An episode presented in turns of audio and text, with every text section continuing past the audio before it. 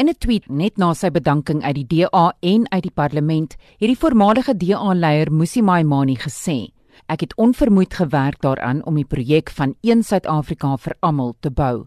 Dit was my grootste voorreg om die mense van Suid-Afrika te dien en ek sal voortgaan om dit te doen."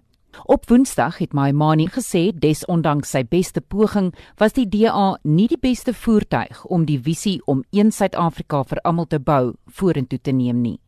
Hierdie stelling het groot reaksie uitgelok en sy bedanking uit die party het gekom net skuins voordat 'n kokosvergadering gister gehou is waar hy na verwagting as hoof van die amptelike oppositie uitgeskop sou word. Business Day het berig dat heelwat DALP's warm onder die kraag was oor die stelling van Maimane. Die politieke joernalis en skrywer Jan Jan Joubert sê Maimani het sy lot met hierdie uitspraak geseël.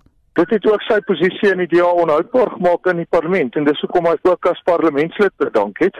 Ek dink dat daardie stelling bovenal sekerlik beteken dat hy nie die DA se parlementêre leier kan wees nie, maar dat hy dit nie begryp het toe hy dit gesê het nie.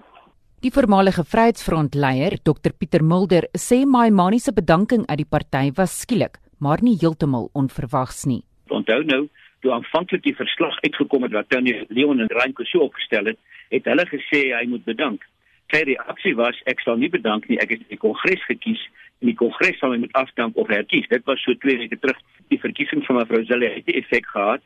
Dit skep die indruk dat die ou DA-garde besig is om die party oor te neem dit het gemaak het help van standpunt verander. Het eers het hy nog gesê hy gaan bly en dit is 'n bietjie verrassing dat hy ook dan nou as parlementslid en lid van die DA bedank en dit verskil van wat hy gesê het by sy bedanking toe hy ek in die beleid. Hubert sê my manie se grootste fout was dat hy nie die reëls van sy eie party bestudeer het nie. Jy kan nie aanbly as parlementêre leier nie. Jy word gekies deur die DA caucus. Die oomblik wat jy nie meer partyleier is nie, is jy nie outomaties meer die parlementêre leier nie. Ek dink hy het hom misreken. Die vraag ontstaan, gaan Maimani 'n nuwe politieke party stig? Kenners in politieke kringe sê daar is 'n gaping tussen die DA en die ANC waar 'n moontlike mark lê. Dit is alreeds geprobeer as jy koud vat, koop dit 'n groot mate 'n bietjie sukses behaal, maar daarna misluk om alreeds Olamisa het al probeer om in daardie mark in te kom. Dit sal ook in 'n mate afhang van watter rigting die DA inslaan. Dit sal ons eers weet April maand by hulle kongres gaan dit 'n suiwer liberale party wees wat sê ons is almal net individue en ras en kultuur speel geen rol nie. Dis minder vir mevrou Zille se antwoord. Daar is plek vir so 'n party, dan is daar ruimte tussen hom en die ANC vir 'n meer sosiaal-demokratiese party wat sê, "Jong, maar ons is ook darm Afrikaans. Ons is ook wit. Ek is ook swart met voel benadeel. Maak vir my voorsiening deur ietsie ekstra materiaal as net gewone liberalisme." Dr Mulder meen die DA in sy huidige baantjie het dalk vir my manie onuithoudbaar geword. Helen Zille se terugkeer na die party en die verslaguitspraak teen hom het die water vir hom baie warm gemaak. Dit laat 'n mens dink aan die vertrek van Frederik van Sail Slabbert as leier van die progressiewe federale party toe die amptelike oppositie in 1986. Maar sê Dr Mulder, Maimani is dalk ook in 'n mate uitgestoot en hy moes bereken of hy die aanslag sou oorleef, soos voormalige presidente Thabo Mbeki en Jacob Zuma. Mbeki is deur sy party uitgestoot wat net so dramaties was eintlik gedwing om te bedank. En Zuma is in groot mate deur sy party uitgeforseer en gedwing om te bedank. En in 'n mate is Musi in dieselfde situasie. Die verslag was my alles wat hy vir Tony Leon en Rand Kutsi aangewys het.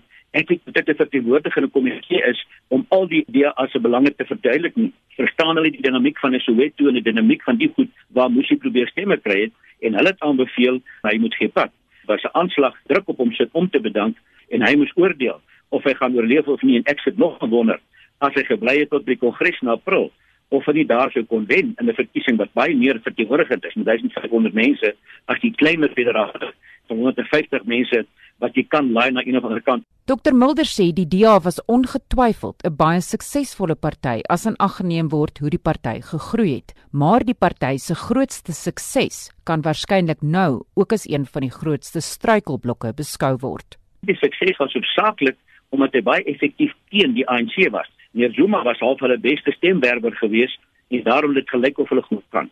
Ek is nie seker dat soos die party groter geword het, dit regtig oortuiging was dat almal dieselfde beginsels en beleid ondersteun het, nie almal was teen Zuma. En toe meneer Ramaphosa dan inkom, want dan moet hulle kyk na eie beleid en toe kom hulle agter maar daar verskille eintlik hoe hulle dit interpreteer. Moet hulle te swart bemagtiging wees, moet hulle nie moet hulle regstel 'n aksie wees en dit het onmiddellik die breuke na vore gebring. Die DA het twee fundamentele probleme volgens politieke kenners: leierskap en beleid. Die risiko is dat die party steun van swart kiesers aan die ANC kan afstaan en steun van wit kiesers aan die Vryheidsfront Plus. Of die DA in die toekoms steeds die amptelike oppositie gaan wees, sal net tyd leer. Jan Jan Joubert die EFF en die Inkatha Vryheidsparty beide reeds amptelik gesê het dat hulle nie die DA onder druk wil plaas nie, dat dit belangrik is dat die DA funksioneer en dat hulle hulle nie verlekker in die DA se probleme nie. Ek merk op die Vryheidsfront sê niks en dit is waarskynlik eerlik van hulle, maar die oppositiepolitiek gaan nou herskik word, maar nie soos die DA altyd gedink het dit gaan herskik word nie. Dr Mulder sê daar sal nooit weer in Suid-Afrika 'n party wees wat op sy eie die amptelike oppositie sal kan wees nie vir die toekoms hê soos baie keer al gesê het in koalisies dat elke party sy teikenmark identifiseer en jy's word die kampioen vir daardie mark. Die dilemma is as jy alles vir almal probeer wees wat die DA probeer het, dan jy naat niks vir niemand nie.